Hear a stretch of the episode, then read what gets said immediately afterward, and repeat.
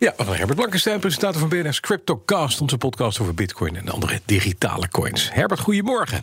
Ha, Bas. Het IMF, het Internationaal Monetair Fonds, publiceert een video over cryptocurrency. En is dat een uh, thriller of niet? Nee, maar het is helemaal niet spannend of zo. Maar het is wel verrassend neutraal, vind ik. En, en inhoudelijk best goed. Uh, helemaal niet slecht ook voor een video van maar twee minuutjes. Het IMF heeft niet de bekende dooddoeners. Dat crypto iets voor misdadiger is, misdadigers is. Of een piramidespel. Mhm. Of geen intrinsieke waarde heeft. Of dat soort dingen. En in plaats daarvan beginnen ze met een hele mooie heldere opsomming van de potentiële voordelen van crypto. Costs of making payments are lower. Transactions are faster, especially across countries. And even those people around the globe who don't have bank accounts can buy or sell goods and participate in the global economy. Tot zover de reclamespot ja. van het IMF zou je zeggen. Maar zien ze ook nadelen?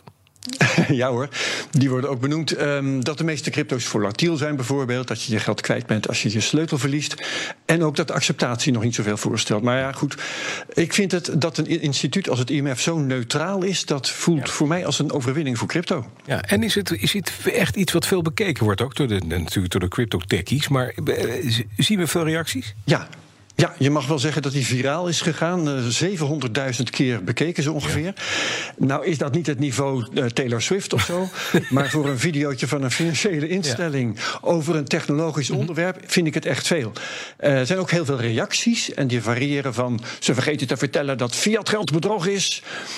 via, ze noemen niet dat mining heel schadelijk is... door het energiegebruik... tot en met waarom zeggen ze niet dat mijn coin de beste is. Ja. Maar verder is, het, is het feest eigenlijk. Ja, slaan ze inderdaad nog een plank mis of, of niet, als jij daar naar zo, zo naar kijkt? Nou ja, je kunt niet zeggen dat dit het definitieve boek is over cryptovaluta. Ehm, het gaat niet over de problemen van mining, inderdaad. Bitcoin zelf wordt helemaal niet genoemd in de video. Maar ja, het is nog, zoals ik zei, twee minuutjes. Hm. En um, het lijkt eigenlijk een promo voor een langer en nog veel genuanceerder artikel op de site van het IMF. Daar verwijst de tweet van het IMF met deze video ook naar. En daar wordt Bitcoin wel genoemd. Het energiegebruik van mining ook. Uh, jouw favoriete coin wordt nog steeds niet genoemd, Las. Hm. De euro. Ja, uh, en grappig is verder dat het artikel um, er al staat sinds maart, terwijl die video best nieuw is. Die is van de vorige week. En blijkbaar hebben ze dus nog maar net besloten er een video bij te maken. Ja, en dat helpt dus kennelijk wel. Als het sinds maart al een artikel was. En nu wordt het wel bekeken. Ja. Nee, maar neemt nou het IMF. Niet, de views van dat artikel weet ik niet. Maar goed, precies. Neemt het IMF nog een echt standpunt in als het gaat om crypto of, of bitcoin? Want je zegt het is vrij neutraal, vrij vlak. Er wordt uitgelegd voor zijn ja. nadelen gezet. That's it.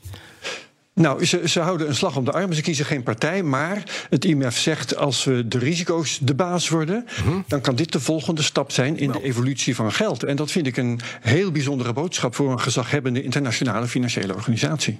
If we can counter the risks, then this new technology, or some variation of it, can completely change the way we sell, buy, save, invest, and pay our bills. And who knows, this could be the next step in the evolution of money. Nou, dat is inderdaad oh, wel een uh, ding. Zo, wat zit er morgen de CryptoCast? Ja. Nou, wij praten met de wiskundige Bert Slachter van lekkercryptisch.nl. Hij is ook bekend van zijn analyses van de coronaproblematiek, dat weet je misschien. Wij gaan het met hem hebben over decentralized finance, DeFi, nieuwe hype van financiële dienstverlening die geen gebruik maakt van bedrijven zoals we die kennen, maar wel van smart contracts. En we gaan goede en slechte voorbeelden bespreken. We kijken hoe we Wild West gedoe kunnen voorkomen en of DeFi een blijvertje is. Dankjewel, Herbert Blankenstein. Alle afleveringen van de CryptoCast te beluisteren via de BNR-app, bnr.nl of je favoriete podcast-app.